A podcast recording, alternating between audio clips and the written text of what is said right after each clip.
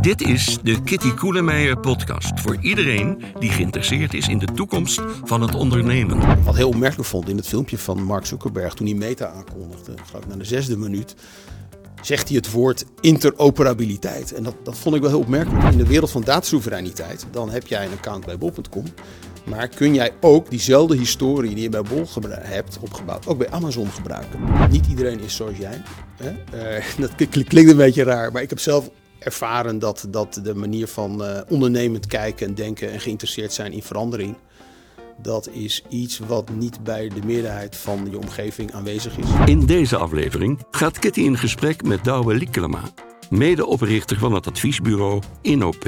Gespecialiseerd in digitale transacties en mede-auteur van het boek Alles Transactie. Kitty spreekt met Douwe over datasoevereiniteit, een alternatief voor de grote, machtige platformen en de opkomst van nieuwe dienstverleners. Ik spreek met Douwe Lieklama, medeoprichter van InnoP, een consultancybureau gespecialiseerd in digitale transactie. Je hebt aan allerlei projecten gewerkt, hè? Ideal, e-herkenning, OV-chip, IDIN. En um, ja, je bent ook auteur, mede-auteur van het boek Alles is Transactie. En dat boek is eigenlijk een, een, weerspiegeling van je reis door de digitale wereld de afgelopen twintig jaar.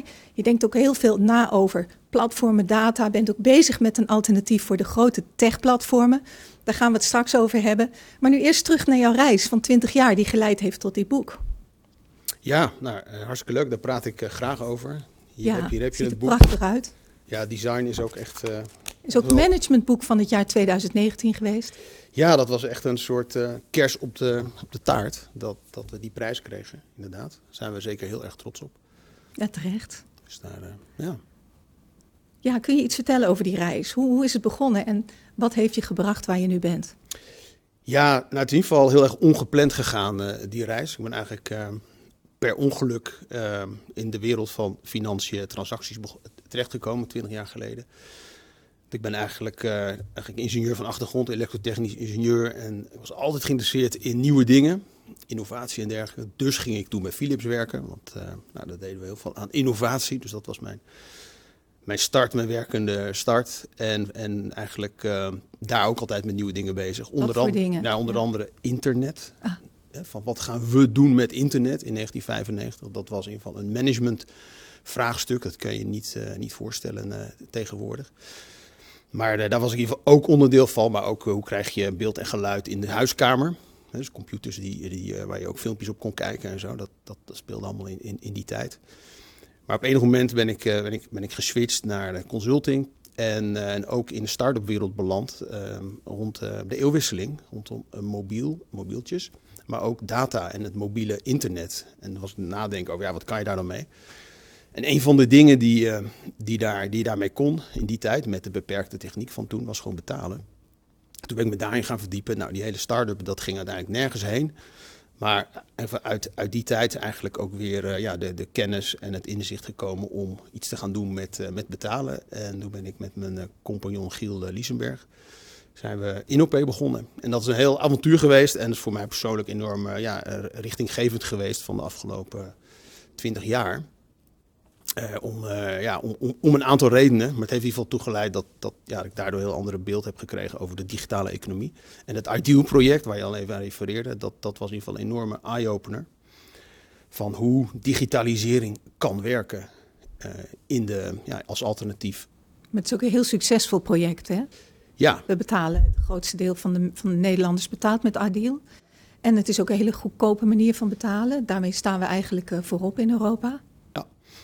Nee, dat en met name dat, dat gegeven. als je weet dat Ideal slechts een afsprakenstelsel is, of een, een, eigenlijk een, ja, een beschrijving van hoe banken met elkaar dingen moeten doen, uh, zie je dus dat je door, door een aantal afspraken te maken iets kan neerzetten wat de hele bevolking denkt dat het één dienst is. Maar er is geen centraal platform in zoiets als, als Ideal. En uh, dat, dat, dat gegeven vond ik eigenlijk wel, uh, wel heel fascinerend. Want van hey, je kunt wel een grote dienst maken zonder dat je een eh, centraal platform hebt. Nou, en, en, uh, en dat zag je heel duidelijk dus in de betaalwereld.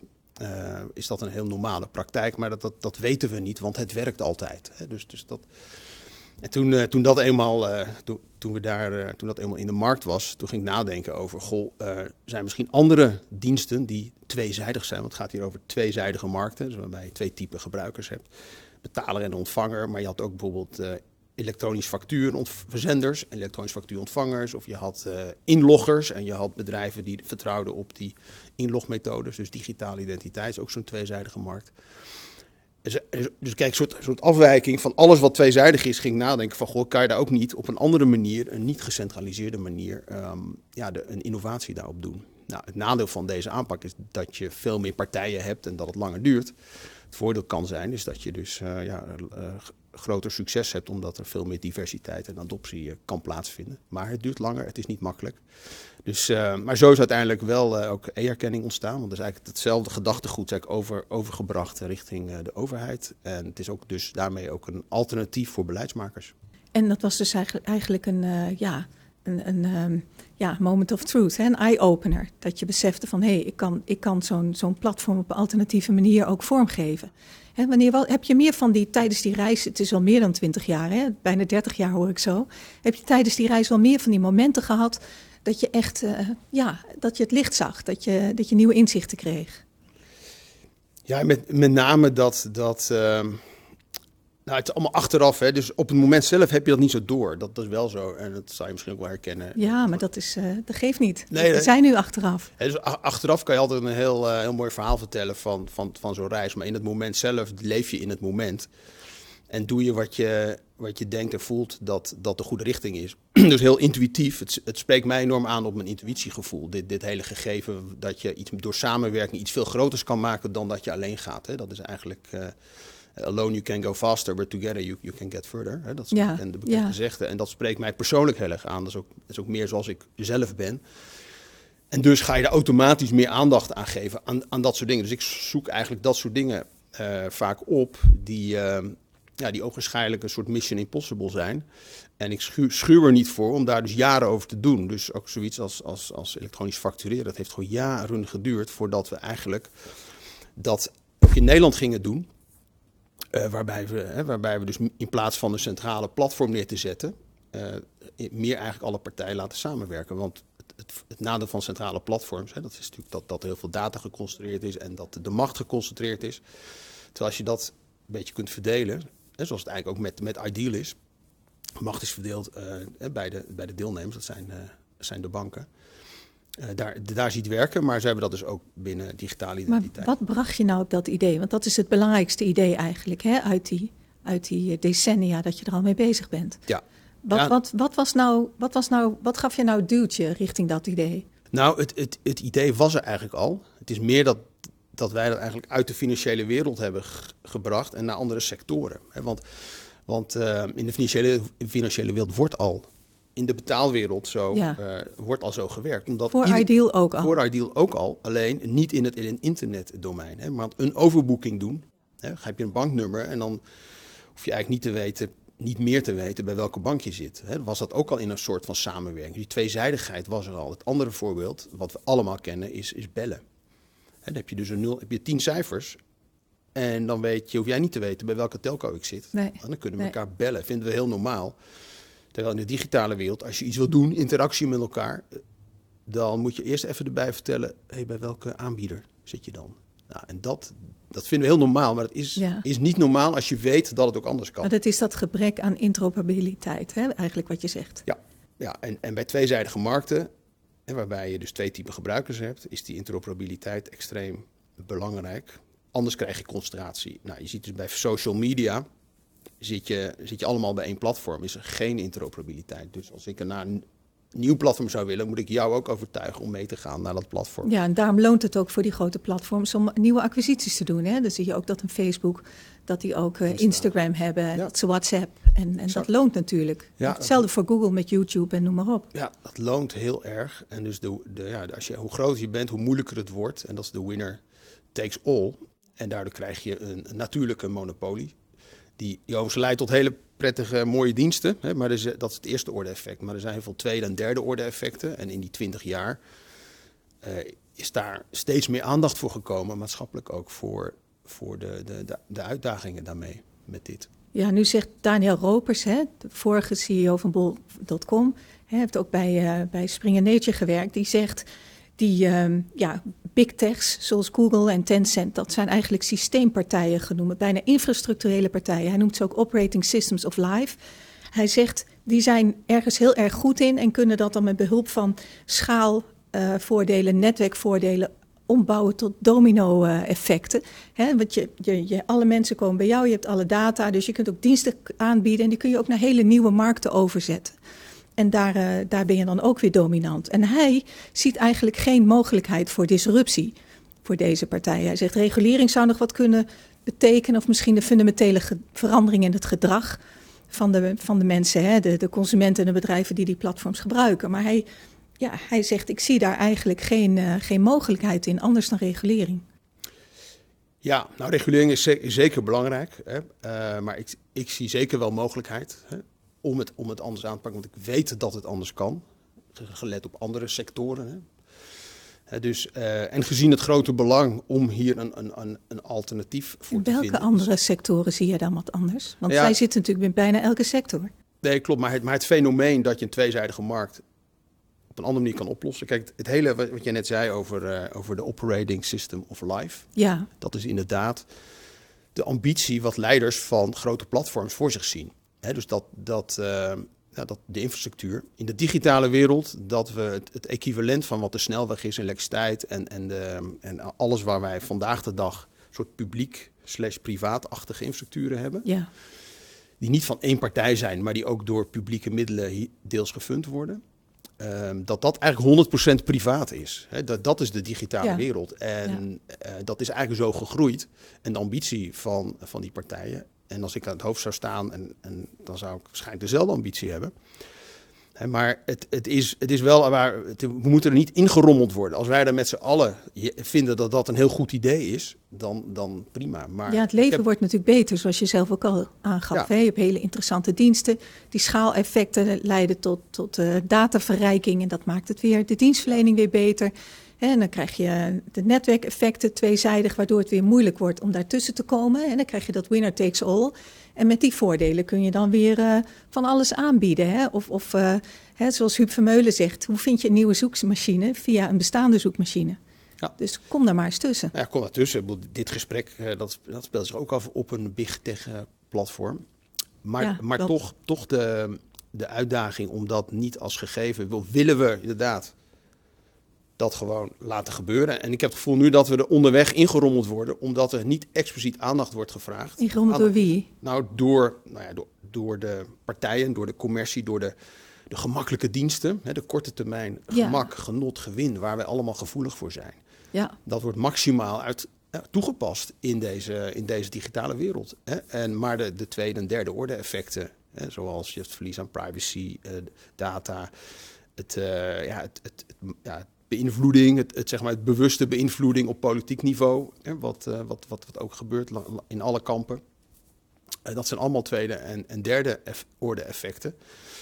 Waar, eh, waar je op zijn minst ja, daar bewust van, van moet zijn. Nou, en, en dat. ehm, dus, maar het, het, in, in, mijn, in mijn hoofd is niet zo dat, dat, dat de enige oplossing is dat we één partij krijgen die het operatingsysteem is van de digitale wereld. Dat, daar wil ik nog dat is niet geen aan. oplossing, maar het is een resultaat bijna. Hè? Ja, maar ehm, daar, dat drijft mij heel erg om daar ook nog steeds daarop voor in te zetten. Om dat op een andere manier te willen inrichten. Maar je bent daar niet fatalistisch in. Hè? Jij, jij zegt niet, ik zie dit gebeuren en ja, behalve regulering en eh, ja, let nu op, eh, hè, landen, Europa, let nu op dat dit, niet, eh, dat dit niet mag gebeuren en grijp in.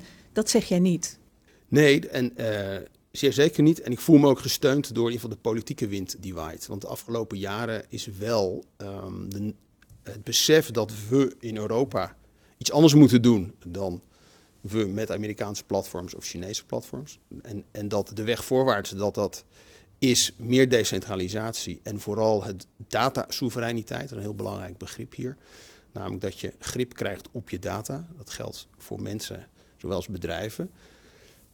En dat dat de sleutel is tot een andere ordening van de digitale wereld. En kun je beginnen met decentralisatie? Want we, we horen dat woord natuurlijk heel vaak. Hè? Wat, wat bedoel jij daarmee en hoe draagt dat bij? Nou, ik bedoel daarmee dat je grip krijgt op je data. Dat betekent dat, dat jij, jij als onder andere Kitty uh, al, al, jouw data is verspreid over verschillende platforms. En allerlei partijen houden stukjes van, van wie jij bent, houden, uh, houden dat bij. En jij weet, je weet eigenlijk niet. Je kunt niet op één plek kijken, hey, die hebben die data en die hebben dat voor mij vastgelegd, voor die reden en voor zo lang. En, en al helemaal niet dat jij data die je daar hebt zou willen kunnen delen met data die je daar nodig hebt namens jou. Nou, nee. En dan heb je wel de nee. AVG-wet gekregen. En je kunt het ook opzoeken. Hè? Je kunt het opvragen bij bijvoorbeeld Google. Alleen bijna niemand doet dat. Precies, en dan krijg je een, een USB-stick of een Excel met alle data. En ja. dat is nou net niet handig.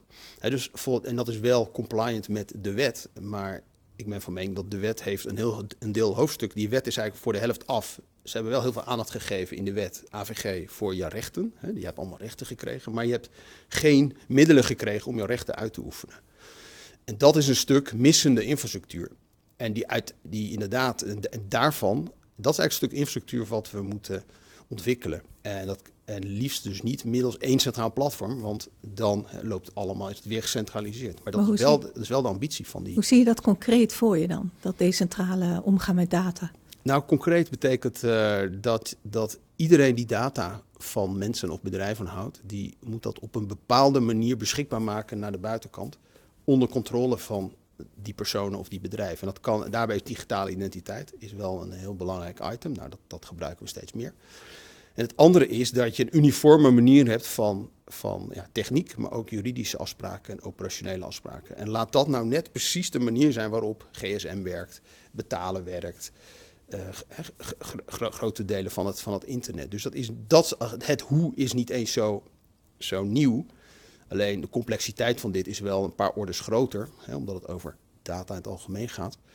Maar ja, ik zie dat heel levendig voor mij, hoe dat kan werken. En dan heb je het over decentraliteit gehad, maar nog niet over datasoevereiniteit, of gaat dat hand in hand? Is nee, dus feitelijk hetzelfde voor Ja, dus, het, dus decentralisatie heeft alleen maar zin als je ook die soevereiniteit hebt. Dus dat jij weet waar... Want als je deze infrastructuur zou hebben, dan kan je diensten maken, zoals ik net zei, over die die, uh, waarbij jij een soort dashboard krijgt, waarbij jij jouw data kunt zien, waar dat, waar dat allemaal beschikbaar is. En dan nog, nog kunnen diensten zijn die kunnen tegen jou zeggen, nou Kitty, geef mij toegang tot al die plekken namens jou, dan centraliseer ik het. En dan ga ik wel namens jou met alle adverteerders praten. En dan zorg ik wel dat, jij ook een deal krijgt met de adverteerders die jouw data uitbaten. Dat is een heel nieuw soort dienstverlening kan, kan daar ontstaan. Dus die, dus die, die, die, dus die, politieke wind gaat echt wel die kant op. En je ziet ook uh, de, uh, wetten ontstaan, wetsvoorstellen. En uh, vorige week is er weer eentje uitgelekt. Dat, dat hoort bij het proces natuurlijk. De Data Act. En ja, daar, daar staat dit wel met zoveel woorden in. En dan heb je ook nog Data Governance Act. Dus heel pakket van, van, van, van wetgeving uitgekomen. En de andere zeg maar, datapunt waarvan ik het gevoel heb van ja, dit is, dit, dit is, dit is niet, niet een raar idee, is bijvoorbeeld dat Tim Berners-Lee, de, de, uitvinder van het World Wide Web in 1992, die is al jaren bezig met een andere organisatie van, van, uh, van internet. En die is ook bezig met het scheiden van data van de toepassingen. En die data is dan ook onder controle van de gebruiker. En dat is ook dat datasoevereiniteitsprincipe. Dus, dus ja, dat, dat, dat houdt mij wel gaande. Uh, andere is uh, Jack Dorsey, de gewezen topman van Twitter. Die was al begonnen met het decentraal maken van Twitter. Want Twitter is natuurlijk een centraal platform. Maar stel dat je nou van een platform een protocol kan maken, dan heb je in één keer verschillende partijen die Twitter-diensten uh, waar je die kan afnemen, zonder dat je al je volgers kwijt bent. Nou. Maar over die uh, uh, Tim Berners-Lee, hè? die heeft dus, je, je hebt Web 3.0, misschien kun je daar ook nog wel wat over zeggen. Hè? Dat is dus het internet via de blockchain. Maar Berners-Lee spreekt over een, een semantisch web. Hè? Dat, dat leesbaar is met machine, met, met algoritmes. Wat, is dat niet iets heel anders of is dat feitelijk hetzelfde? Wat, wat is er nou zo uniek aan wat hij voorstelt en is dat goed in te passen in wat er nu toch al gebeurt?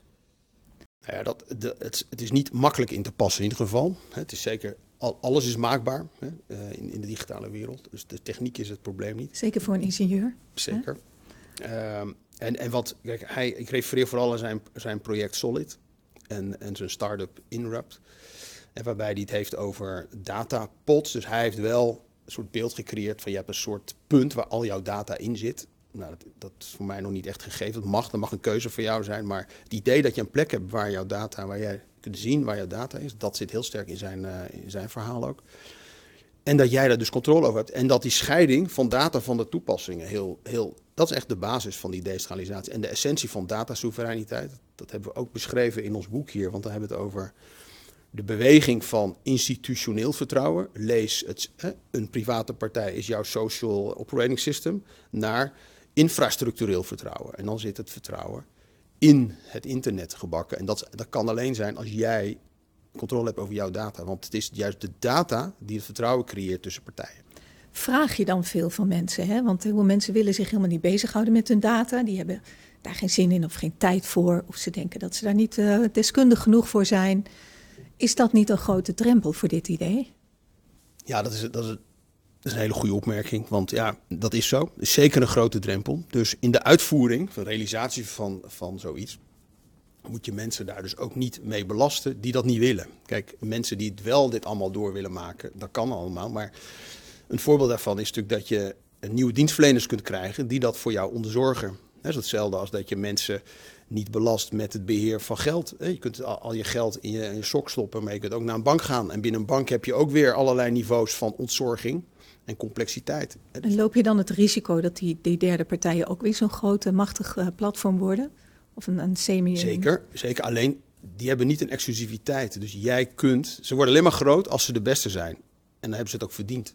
En ze worden niet alleen... En het is niet meer zo dat je dan de grootste bent omdat je al de grootste was. Want dat is eigenlijk wat, wat nu gebeurt. Ja. En dat zal op termijn, gaat dat ook innovatie niet helpen. Want elke vorm van innovatie wordt ook opgekocht door, dat, door, door die partij. Dat is gewoon de, de wet van, van economische kracht en macht die daar speelt. Maar essentieel is dat je keuze hebt en dat je inderdaad kunt switchen van uh, social network zonder je vrienden te verliezen. Net als bij bellen en met e-mailen. Kan je gewoon switchen zonder dat jij druk hoeft te maken of wel iedereen kan bereiken. En dat vinden we heel normaal. Maar in de digitale wereld is dat een soort van onderweg ontstaan dat dat niet meer normaal is. Wat moet er gebeuren zodat dat wel gaat ontstaan? Nou, daar kom je toch op een stukje uh, ja, regulering, helaas. Ja, maar je hebt de wind in de rug hè, wat betreft wetgeving, zei je. Ja, ik, had het, ik heb het liever niet, want uiteindelijk het punt met, met dit soort regulering is dat de, die wetten vaak te veel dingen reguleren. En, en de, er zijn, ja, dat, dat, dat, gewoon, dat, is ook, dat kan ook weer hinderen. Hè? Dat, dat heel, veel, heel veel van die wetten zijn toch wel symptomatisch. Hè? Dan gaat het over zoekmachines en dan gaan we regels maken om de zoekmachine binnen Amazon te reguleren. In plaats van, laten we nou eens alles analyseren en zeggen, nou, wat is nou het basisprobleem? En in mijn analyse na al die jaren is dat eigenlijk dat datasoevereiniteit. En zou je eigenlijk alleen maar dat moeten reguleren en zeggen, nou, het is uh, voortaan uh, verboden om uh, data te hebben die niet soeverein is. Met andere woorden, je mag geen data meer houden waarbij niet de gebruiker de optie heeft om daar ook iets mee te doen. Hoe krijg je dat voor elkaar? Want dat is jouw oplossing, hè? maar hoe krijg je dat voor elkaar? Of tenminste het begin van een oplossing. Je schept dan de voorwaarden waardoor er allerlei nieuwe dingen, nieuwe diensten, hè? waardoor die hegemonie van die hele grote techpartijen wordt doorbroken. Hoe ga je dit voor elkaar krijgen? Nou, als, als elk bedrijf die data heeft, als die, iets gaat, als die dat zo gaat implementeren dat het inderdaad uh, in, uh, in, te zien is en dat het de, deelbaar is en dat managebaar is. Als iedereen dat doet en dat dat gewoon een, verantwoordelijkheid is van leiders, hè, van business leaders die dat gewoon doen, net, als een andere uh, regels implementeren en praktijk, ja, in de praktijk. Als iedereen dat gewoon gaat doen, dan is het resultaat dat je zo'n wereld krijgt als dit. En dan moet het allemaal doen op dezelfde manier, op een manier die interoperabel te maken is. Dan, dan, dan ontstaat dat. Maar ze moeten daar wel een, een incentive voor hebben. Ze moeten daar beter van worden. Ze moeten zien dat ze daar op korte of lange termijn voordeel uit halen. Ja, precies. En Zien ze dat? En daarvoor is uh, wel wat uh, verbeeldingskracht en uh, ondernemende energie voor nodig. En als dat ontbreekt, dan moeten we helaas naar regulering toe. maar waar staan we nu dan, Douwe? Waar staan we nu? Nou, we, we, we staan nu dat, bij dat er nog heel weinig leaders dit als een opportunity zien. Want ik denk dat als jij als bedrijf deze manier van omgaan met je data nu implementeert, dat je ongelooflijk veel verschil kan maken in de markt al. Want het is uiteindelijk een thema in, hè, voor een, een, groeiende groep burgers, consumenten, vinden dit belangrijk. Zeker ja. niet de mainstream, maar ja. we weten altijd, dit soort dingen beginnen als een klein, klein vuurtje. En als je er nu bij bent en die erin stapt op die reis, op die manier van denken, dan, uh, dan heb je duurzaam voordeel. Nou, is het net zoiets als duurzaamheid, maatschappelijk verantwoord ondernemen, wat, wat, een, wat op een gegeven moment echt mainstream is geworden? Ja, dat was in het begin ook uh, uh, ja. geitenwolle sokkenwereld. Ja, ja. En nu is het helemaal mainstream. En dat is met dit exact hetzelfde wat mij betreft. Ga je zo lang nog wachten? Want als je het op die manier laat gebeuren, kan het lang duren. Ja, maar het, heeft. Ja, maar goed, dat, het, het duurt zo lang als het duurt. En, en als die, stel dat die, die wetten, als die erdoor komen, ja, dan gaat dat weer een versnelling uh, opleveren. Net als AVG heeft natuurlijk ook een, was ook op een gegeven moment ook een feit, en dat heeft jaren geduurd voordat het geïmplementeerd werd, maar leeft wel tot enorme bewustwording ge, geleid. Maar nog, nog te weinig tot actie, want het resultaat is dat, dat de grote bedrijven zijn allemaal compliant en de eindgebruiker moet heel dag klikken nog steeds. Ja, maar ze zien, kijk, die bedrijven zien het belang wel van, uh, van de AVG, van de privacy, maar het is toch vooral iets wat je nu eenmaal moet doen. De vraag is wat je er op termijn mee opschiet. En dat is ook echt mijn vraag over die datasoevereiniteit. Wat levert het concreet op? Welke mogelijkheden biedt het? Stel, ik ben een onderneming en ik, ik ga dit doen. Waarom zou ik dit doen? Behalve dan het, het grote nut voor de samenleving op lange termijn. Nou, je, je kunt een hele uh, selfish reden is dat jij een betere dienst wil aanbieden voor jouw klanten. Dus, dus een extra service van hey klant, ik heb allemaal data voor jou. Maar zou het niet fijn zijn als jij A, kunt zien welke data ik van je hebt en dat je het ook nog kunt managen. Maar als belangrijkste dat je die data kunt doordelen elders. Stel, ik heb een adres van jou en, ik wil, en je wil dat kunnen gebruiken ergens anders. En ik kan ervoor zorgen dat jij een datatikkie krijgt om, om een adres ergens anders te delen. Dus, dus een stukje, stukje gemak. En het andere, uh, dan zijn ook nog bedrijven die zulke data hebben, die dus, waarmee ze weer geld kunnen vragen aan andere partijen, maar wel met die klanten bij betrekken. Dat is die data benefit balance, die we ook in dit boek beschrijven, waarbij je de, de, de klant ook onderdeel maakt van de, de datatransactie en zijn exploitatie daarvan. Het kan best zijn dat, dat, dat je met Facebook, die heeft heel veel data, dat die uh, met, met, met mij een contract aangaat en zegt van nou, ik wil de komende jaren jou, jouw data kunnen hergebruiken en dan geef ik je zoveel dividend op. Nou, dat, dat is een hele stuk creativiteit ja. die, uh, die, nog, die, nog uh, die, die, die kan ontstaan. Maar ja, er is echt een first mover advantage en je hoeft niet te wachten op de rest. Het is een beetje, dit, dit voelt allemaal als wereldvrede, dit, dit onderwerp van we gaan de wereld. Een beetje. Een beetje wel. Hè? Nou, ik kan me voorstellen dat je er op die manier naar kijkt, laat ja, ik het zo zeggen. Ja, en, en dus, maar met wereldvrede iedereen voor, maar ja. niemand wil de eerste stap nee. zetten. Of, hè? Nee, die psychologische afstand is groot. Het, het concurrentievoordeel is, is toch abstract. Hè, want je moet nieuwe diensten gaan uh, misschien ontwikkelen. Je, je, vraagt nogal wat van je klanten. Hè, die zitten die wel te wachten op, op uh, ja, zich druk moeten maken om data, hè, wat ik eerder ook al zei. En uh, misschien vinden we dat over tien jaar heel normaal en is dat goed geregeld. Maar hoe kom je die drempel over? Want je hebt het over adoptie van een nieuw idee. Adoptie van een nieuw idee, maar wel onder de onderstroom van toenemend ongemak over de tweede, derde, vierde orde effecten ja. Ja. van centralistische digitalisering. En los je die effecten allemaal op met de, door datasoevereiniteit uh, ja, nou, gewoon uh, te maken? Dat, dat weet je niet van tevoren, maar je vermindert wel een aantal, in ieder geval vandaag zichtbare problemen. Er zijn er waarschijnlijk ook nog heel veel dingen die we nog niet eens doorhebben, die een probleem ja. zijn. Ja. Maar ja, die dingen van, van ja, machtsposities van data en, en het, dat, uh, dat los je hier wel degelijk mee op. Dus daar. En, dus, Ja. dus, en het is voor mij is meer, zoiets, ja, dit, dit moet je willen doen. Om- Maar de omdat- hele grote partijen die echt op de grootste datasets zitten, hè, op de da- databases, die hebben daar natuurlijk niet zoveel zin in. Die zullen niet vooraan staan hiermee. Nee, zeker, zeker niet. En die zullen uiteindelijk wel hierin mee moeten doen. Maar dat zal alleen maar gebeuren als het niet anders kan. Daarnaast zijn er dus een hele longtail van minder grote partijen. Die zitten vooral in Europa. Die er wel belang bij hebben om het zo te doen. Dus dat maakt mij hoopvol. Omdat wij juist in de omgeving hier zijn, in heel Europa. Waarbij we niet eh, de big tech eh, belangen eh, hebben. Hebben we eigenlijk nog wel een positie tussen Chi- Verenigde Staten en China? Ik bedoel, als het Nou, gaat om, om ontwikkeling, echte big tech hebben we niet. Wel als we in staat zijn om dit andere paradigma naar, naar voren te brengen. En, en ik, ik, ik ben ook hoopvol omdat de geschiedenis heeft ook laten zien dat het GSM-netwerk, het systeem, het idee van decentraal telecom, komt uit Europa. En dat is de wereldstandaard geworden. En dit was in de jaren 80 en, en nou is GSM weer. Hè, dat, dat was voor die tijd was dat ongelooflijk innovatief. Want hadden, elk land had zijn eigen centralistische eh, speler. De, de PTT had je in Nederland. En el- elk land had zo zijn eigen partij. En toen kwam er een model waarbij je meerdere spelers had. die met elkaar allerlei afspraken hadden gemaakt. En de eindgebruiker die kreeg alleen maar meer gemak daardoor. Nou, dat, dat, dat kwam wel uit Europa. En hier was juist ehm, eh, de, blijkbaar de, de politieke. Want uiteindelijk was het een politiek ding. om dat zo te doen.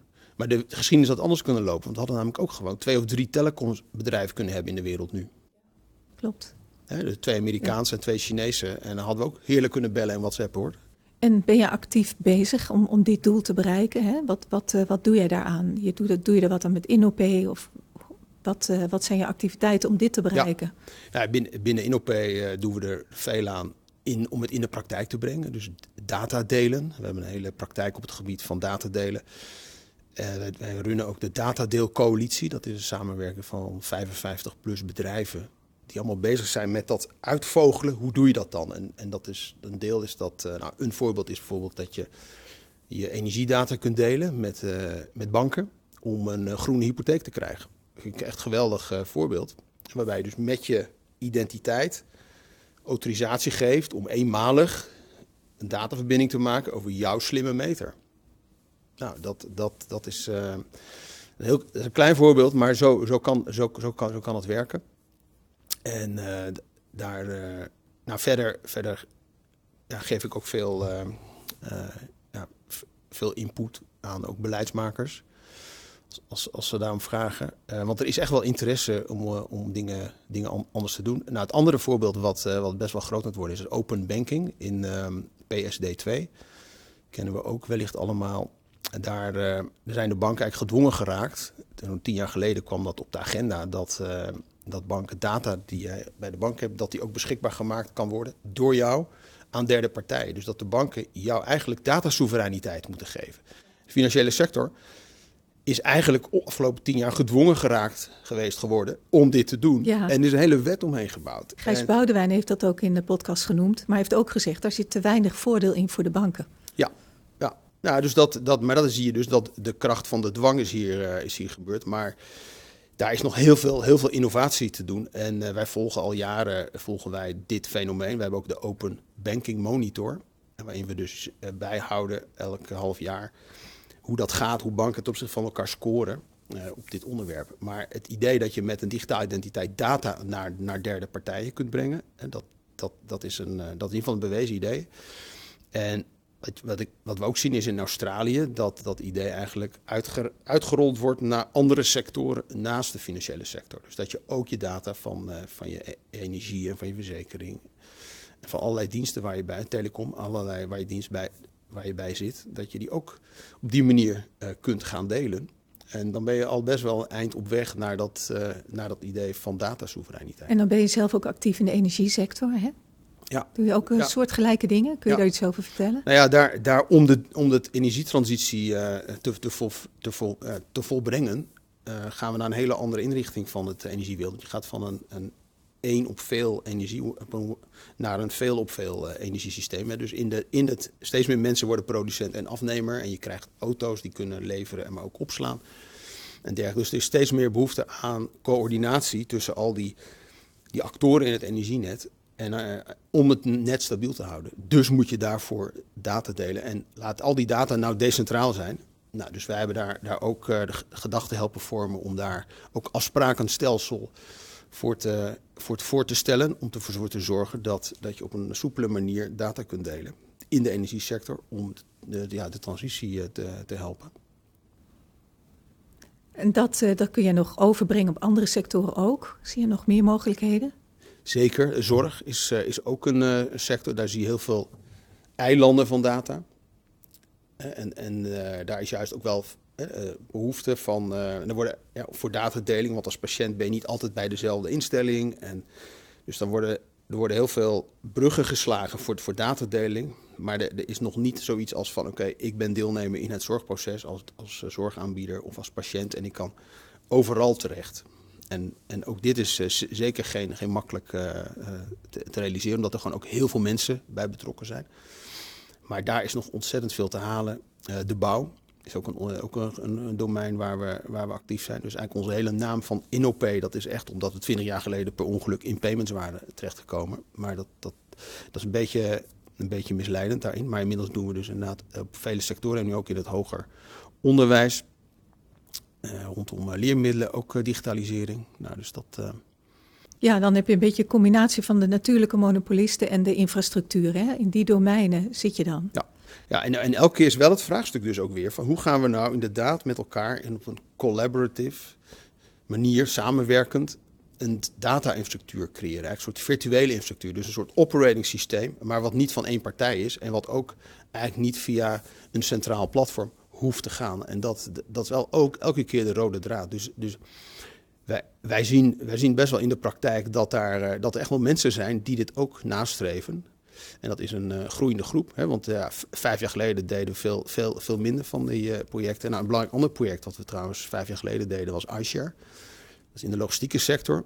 Precies hetzelfde vraagstuk van hoe kunnen wij als sector verstevigen in digitalisering. Nou, daarvoor was al vijf jaar geïnnoveerd richting een centralistisch platform.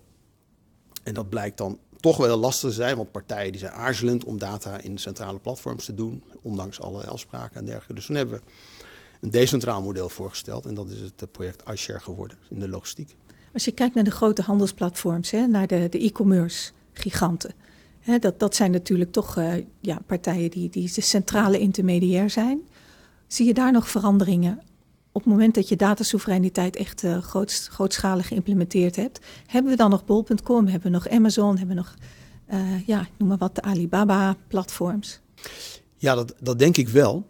Uh, ik denk dat die functie heel belangrijk is van die partij, omdat die heel ontsluiten aanbod.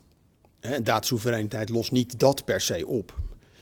Alleen de hoeveelheid macht die zij kunnen afdwingen in de keten wordt daardoor wel minder. Dat beschrijven we hier ook in. Als je van institutioneel zijn, want bol.com en Alibaba en Amazon. Dat ja, vooral Amazon natuurlijk. Hè, die, die, die, ja. Dat is prototypisch voor institutionele macht. Want zij doen alles met die data en ze doen alles om die data bij te houden. Dus zij weten heel veel en kunnen ook heel veel afdwingen aan de inkoopkant.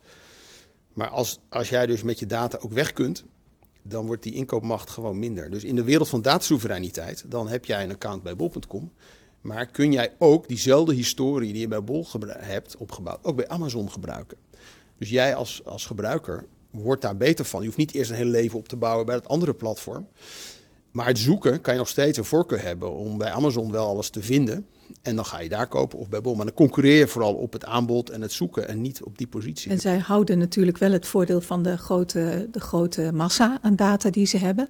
Maar goed, doordat jij natuurlijk je data mee kan nemen naar een ander platform, hebben die andere platformen dat ook.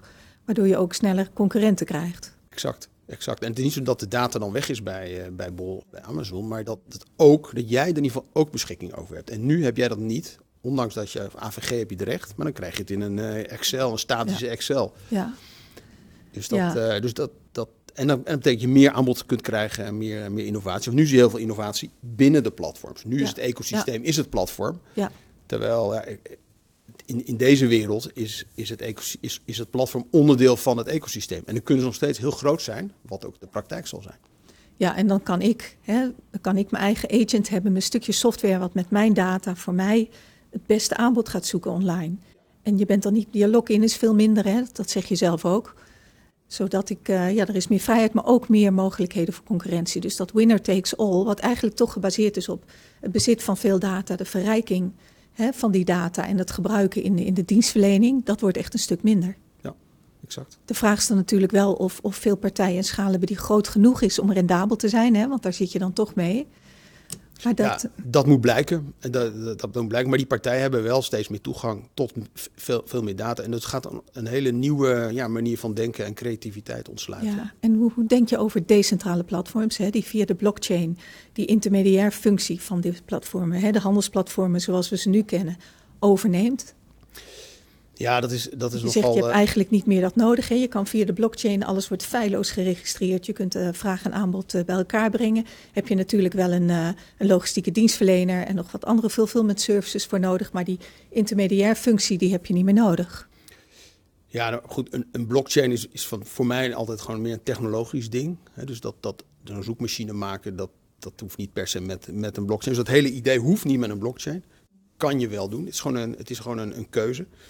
En ja, dus niet, niet, meer de, niet meer dan dat eigenlijk. En als blijkt in de praktijk dat voor sommige partijen een blockchain uh, beter werkt. In de, in, de, in de werkelijkheid vandaag de dag zijn heel veel blockchain-projecten zijn, zijn eigenlijk centralistische projecten.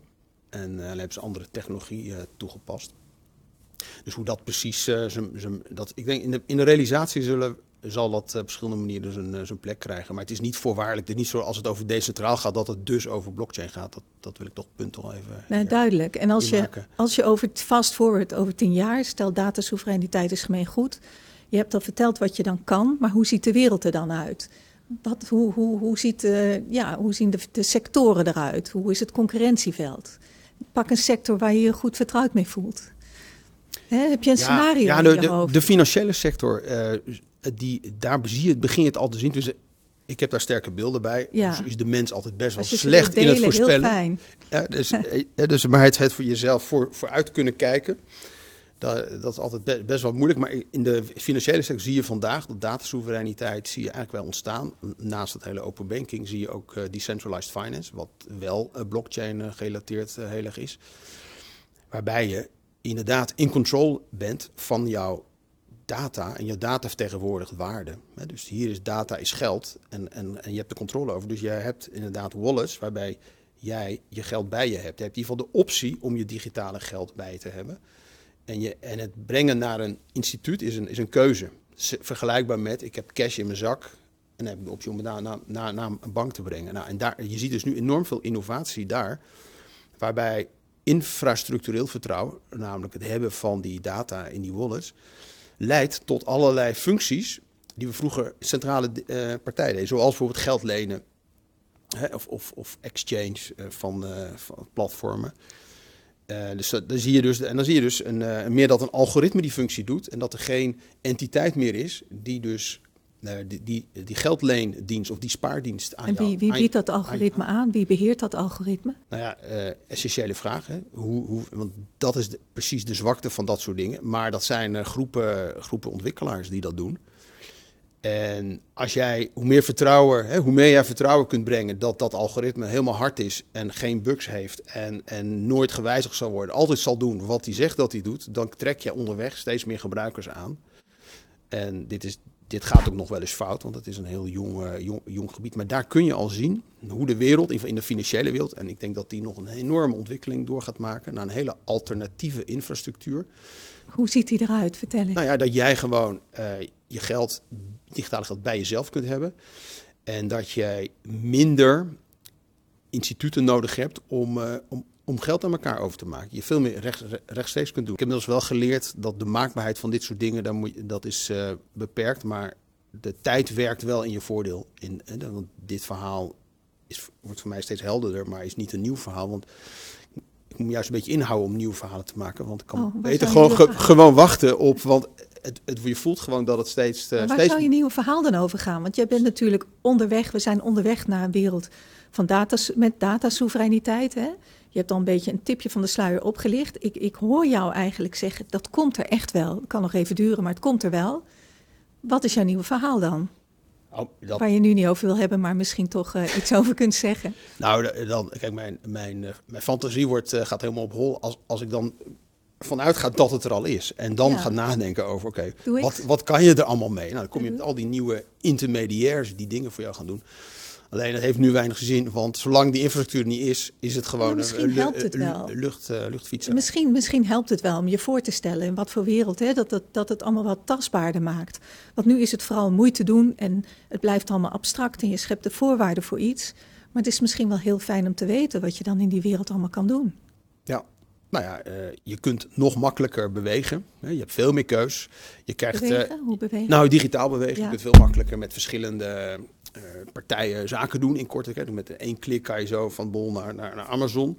Je kunt ook met Facebook krijg je misschien datadividend. Al die hele vele geld wat door Facebook verdiend wordt, wordt dan ook een stukje verdeeld met jou en ook de adverteerders. Hè. Dus die hebben gewoon meer, meer concurrentie. We houden meer geld sowieso binnen, binnen de economie. Er wordt minder uitgeperst vanwege de machtspositie op data. Dus, dus dat, dat is even het hele hoog over maatschappelijk uh, belang. Maar voor de, voor de consument, voor het bedrijf, is het, uh, ja, kan je veel makkelijker digitaal met andere partijen uh, zaken doen. Zonder dat je bang hoeft te zijn dat je data heel, heel snel op straat ligt. Of dat, dat je daar heel veel over moet soebatten om die, om die relaties aan te gaan. Nou ja, dat, dat, dat soort dingen. Daar heb ik nog niet eens gehad over nieuwe dienstverleners die daar allemaal dingen mee kunnen. En hoe kijk je naar de metaverse? Hè? Want stel dat, je, dat de metaverse, is die er dan in die wereld? En zo ja, hoe ziet het er dan uit? Ja, ik, zie, ik zie metaverse ook als een, als een verschijningsvorm, uh, een keuze om daar, om, ja, om daar, uh, om daar aan, aan deel te nemen. Ik, ik vind het nog moeilijk, daar, daar heb ik wel wat moeite om voor te stellen dat we allemaal de hele dag in een soort digitale werkelijkheid uh, gaan zitten. Maar misschien is dat over tien jaar wel heel normaal. Hè? Ja, ik zie het ook als een alternatief voor de, voor de zoekmachines van Google. Hè? Want kijk, nu, nu kom je bijna overal via Google. En uh, dat, dat is toch, ja, eigenlijk bij alles wat je doet zit Google linksom of rechtsom er toch bij. Want YouTube is natuurlijk ook een zoekmachine. Hè? Alleen je zoekt niet met woorden, je zoekt op een andere manier. En, en Facebook, uh, ja, stelt eigenlijk niet veel, niet veel voor in die wereld. Facebook is niet echt een zoekmachine. En door de metaverse te openen, open je, open je nieuwe online kanalen waar mensen ook in gaan leven, als het ware. En dat zijn dan ook je, ja. dat kunnen je nieuwe zoekmachines zijn. Dus ik, ik, strategisch zie ik dat wel. Maar de vraag is, heeft zoiets bestaansrecht in een wereld uh, met datasoevereiniteit? En zo ja, hoe ziet het er dan uit? Ja, heel, heel erg. Ik denk het wel. Want uh, je ziet, uh, een van de toepassingen zal zijn dat je games is nu metaverse. Ja. En dan kan je in ene game kan je een schildje verdienen. En het idee met dit hele metaverse en de, en de standaardisatie, en daar wordt blockchain natuurlijk voor gebruikt, want blockchain zorgt voor ja. digitale schaarste. Ja. Kan je je schildje wat je verdiend hebt, kan je meenemen naar een andere game. Dat, dat, is, best wel, dat, is, dat is best wel nieuw. Hè? Want, want van, van vandaag de dag is het uh, ja, soort in de fysieke wereld dat, jij, uh, dat, dat je naar een feestje gaat en uh, je hebt een bepaalde jurk aan. En die kan alleen maar gebruiken bij dat feestje. En die kan niet in een ander feestje gebruiken. Nou, en dat, een NFT-jurk dan? Ja, nee, nee, maar je hebt dus. Ja, maar goed, in de, als je de NFT op de werkelijke wereld zou doen, zou, zou dat, het, dat zou ja. heel gek vinden. Dus dat je nu digitaal dingen verdient, werk doet in ene spel en dat je dat meeneemt met ander, dat is, uh, dat is wel datasoevereiniteit. Maar denk je dat zij daar ook een rol in gaan spelen? Of denk je dat het helemaal niet, dat het er niet toe doet in de wereld van uh, Facebook? Of Meta? Jawel, het, uh, wat heel opmerkelijk vond in het filmpje van Mark Zuckerberg toen hij Meta aankondigde, ik geloof na de zesde minuut zegt hij het woord interoperabiliteit. En dat, dat vond ik wel heel opmerkelijk, want dat zou, had ik niet zo verwacht dat hij dat zo zou zeggen. Want zijn hele businessmodel is niet gebaseerd op interoperabiliteit. Maar hij heeft er wel bij te winnen natuurlijk, met dat nieuwe, met die hele nieuwe, ja, een, een universum aan, aan werelden, aan kanalen. Als hij natuurlijk data kan binnenhalen van andere partijen ook. Het, het is ondernemend, hij heeft gewoon ontzettend veel geld. Hè. Dus hij kan, hij kan gewoon dit soort dingen doen. Hij kan er gewoon 10 miljard per jaar in stoppen. En dat geeft ook een vorm van macht en voldoening vermoedelijk, denk ik, als je in die positie bent. Ja, nou, we gaan dat gewoon doen. Hè. De maakbaarheid van, ja. van de wereld. Ja. Uh, als je als leider van zo'n bedrijf kan je de wereld maken. Net als Jeff Bezos grote raketten maakt en Elon Musk. En, ja, ja dat, dat, ik denk dat, dat die psychologie daar, daar wel bij speelt. Ja, is het, ja, bij Elon Musk, dat, dat is natuurlijk een, een briljante marketeer. Die pakt gewoon allerlei grote maatschappelijke, sociale, infrastructurele problemen. En uh, ja, krijgt de overheden zover dat ze daar heel veel geld in stoppen. En krijgt de, de steun van het grote publiek. Maar qua business leeft het natuurlijk weinig tot niets op. Hè? Ik bedoel, je weet ook wel, Tesla verdient voor, vooral de verkoop van de, van de milieurechten. En uh, die Boring Company, dat is die tunnel, dat is infrastructuur. Dat zijn allemaal, en ook bij Neuralink, heel veel onderzoekssubsidies van overheden. Ja. Dus dat is een hele, hele bijzondere manier van een business bouwen die hij zeer succesvol doet. Maar ik zie Meta toch, toch in een hele andere hoek zitten. Ja, want of zeg je dat is zelf? Denk je dat, dat uh, Mark Zuckerberg ook Meta gebruikt om, om ja, allerlei AR, VR uh, ontwikkelingen te doen, patenten neer te leggen met behulp van, van onderzoeksgelden die het hem oplevert? Nee, hij kan het gewoon zelf betalen. Want wij, wij... Ja, maar wil hij het ook zelf betalen? Hè? Ja. Dat, dat, denk, dat denk, denk ik wel, want dan je, bouw je ook het meeste IP op. Um, hè, maar hij, ja, hij, hij, verwacht, wil dat wij besteden nu veel tijd op Facebook, maar we gaan dan nog meer tijd besteden. Ja. ja. Maar de tijd die wij daar besteden, valt toch in het niet bij bijvoorbeeld uh, wat, we op, wat uh, in, in Azië op WeChat wordt besteed. Dat zijn hele andere, hele andere aantallen. Ja, dat is echt nog, nog, veel, nog veel meer op. ja, ik moet ik denk, ja, ik, ik, ik, ken die cijfers niet zo, niet, niet zo goed, maar die. Uh, ik vind het nog, uh, het hele metaverse verhaal vind ik nog wel uh, moeilijk voorstellen. Behalve trouwens het verbeteren van Teams en Zoom. Die ervaring, ik denk dat daar nog wel een enorme slag in gaat ja, maken. Zeker, dat, dat we elkaar zeker. kunnen meeten. Um, dat zit in ieder geval dicht bij mijn wereld. Dus net ja, jou waarschijnlijk nogal uren achter een schermpje zitten. Dat je daar nog een stukje verbetering in kunt doen. Dat is ook al metaverse. Kun je zelfs ja. afvragen, is, zijn we vandaag al niet in de metaverse? Ja. Want we zijn, zitten heel veel tijd achter de scherm. Ik was uh, een paar jaar geleden was ik bij, bij Facebook en social presence, hè, waar jij nu ook over spreekt. Heel belangrijk thema voor ze. Ja, zag je dat al toen al? Ja, ja, dat riepen ze toen heel hard binnen. Dat was het hoofd AI of zo die sprak. En die had het echt over die sociale nabijheid. Dat is eigenlijk een theorie uit de jaren zeventig. Dat je die onmiddellijkheid van de reactie en elkaar ook echt kunnen aankijken. Daar, daar waren ze toen al heel druk mee bezig. En dat, dat sluit hier natuurlijk perfect bij aan. En een ander ding is natuurlijk dat het wat minder draait toch om de data en de verrijking, maar toch meer om de technologie, hè, de voorsprong die je daarin hebt. Maar ja, het blijft speculeren. Hè. Ik, ik weet ook niet wat het wordt. Ik weet dat de meningen verdeeld zijn.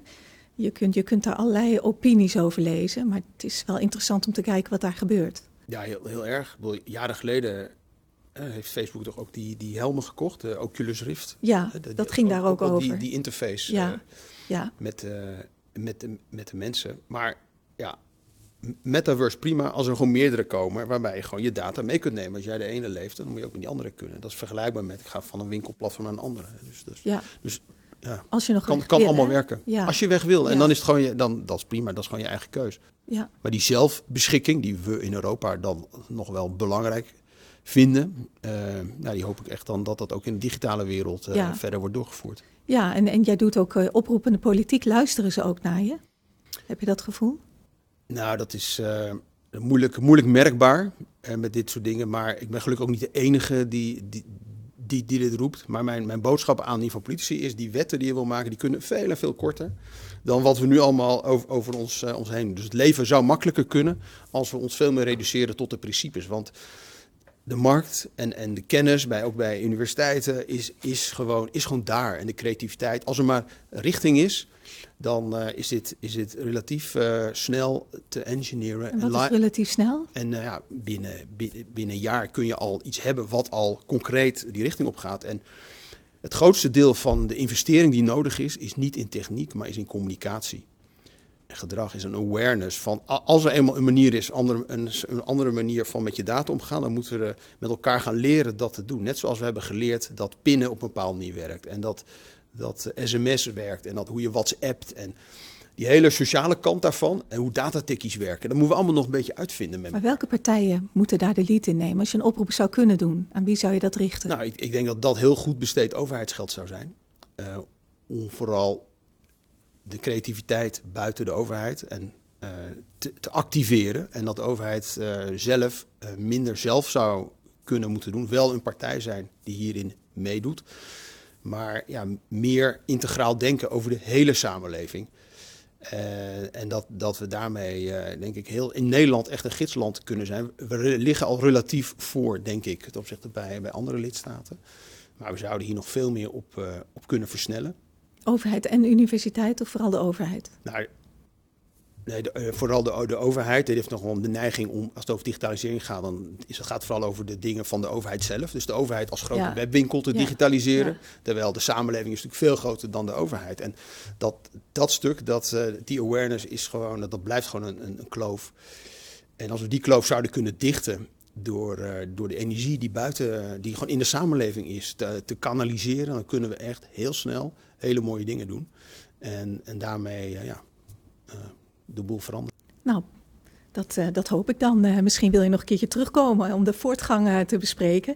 Even als, als slot, hè? Jij, bent een, jij bent een ondernemer. Ik denk dat je jezelf vooral als ondernemer ziet of toch meer als manager? Meer als ondernemer? Nee, als ondernemer. Ja. ja. Heb je tips voor jonge ondernemers en managers? Mensen die, die, die kijken of luisteren en die zeggen van ja, ik, ik, wil, ik, ik heb een verantwoordelijkheid binnen een bedrijf of ik wil een bedrijf opstarten of ik heb er alleen. Wat zijn jouw learnings? Een, een, aantal, maar in ieder geval uh, dat niet iedereen is zoals jij. Hè? Uh, dat klinkt een beetje raar, maar ik heb zelf ervaren dat, dat de manier van ondernemend kijken en denken en geïnteresseerd zijn in verandering, dat is iets wat niet bij de meerderheid van je omgeving aanwezig is. Dus jij kunt een heel goed idee hebben, maar dat, dat de omgeving vindt dat niet vanzelfsprekend. En ik ik had lange tijd wat minder uh, gevoel voor dat andere mensen dat niet zo vanzelfsprekend vinden. Ik had niet eens door. Dus naar, dus, dus, dus naar, ja, naar, naar, zeg maar, na een aantal jaren kwam ik erachter dat, dat er uh, veel meer spectrum is van hoe mensen naar verandering kijken. Dus daar moet je be bewust van zijn. En het andere met ondernemen is dat verbeeldingskracht wel essentieel is.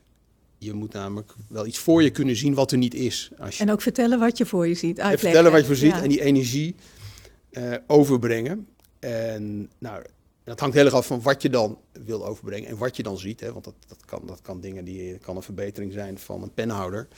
Tot en met dit soort abstracte dingen waar, waar wij het hier over hebben. Maar dat, dat, dat zet zich natuurlijk bij wat bij jou past als ondernemer. Dus, dus iedereen kan ondernemer zijn daarin.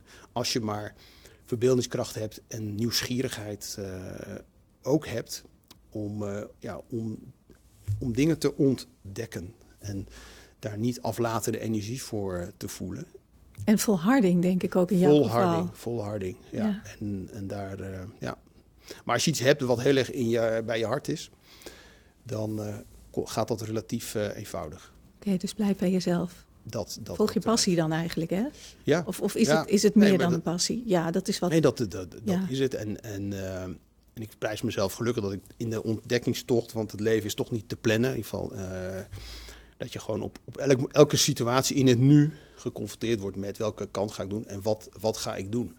En dan als je dat een paar keer doet door je leven, dan kom je vanzelf bij de plek van waar je, wat je leuk vindt en waar je goed in bent. En dat is eigenlijk dat kruis, uh, dat, dat snijvlak, en dat geldt voor iedereen, of, of je een ondernemer bent of niet.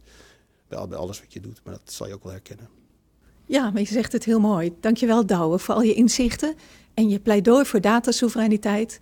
Uh, ja, heel belangrijk thema. Ik, ik, kan daar, ik, ik, zou daar ook graag aandacht voor vragen. En op naar een hele mooie toekomst. Dank je wel. Ja, graag gedaan. was leuk. Dit was de Kitty Koelemeijer podcast. Als je dit gesprek interessant vindt en vaker dit soort gesprekken wilt zien of horen, druk dan op die bekende knop. Want dan weet je één ding zeker: de podcast van Kitty wordt vervolgd.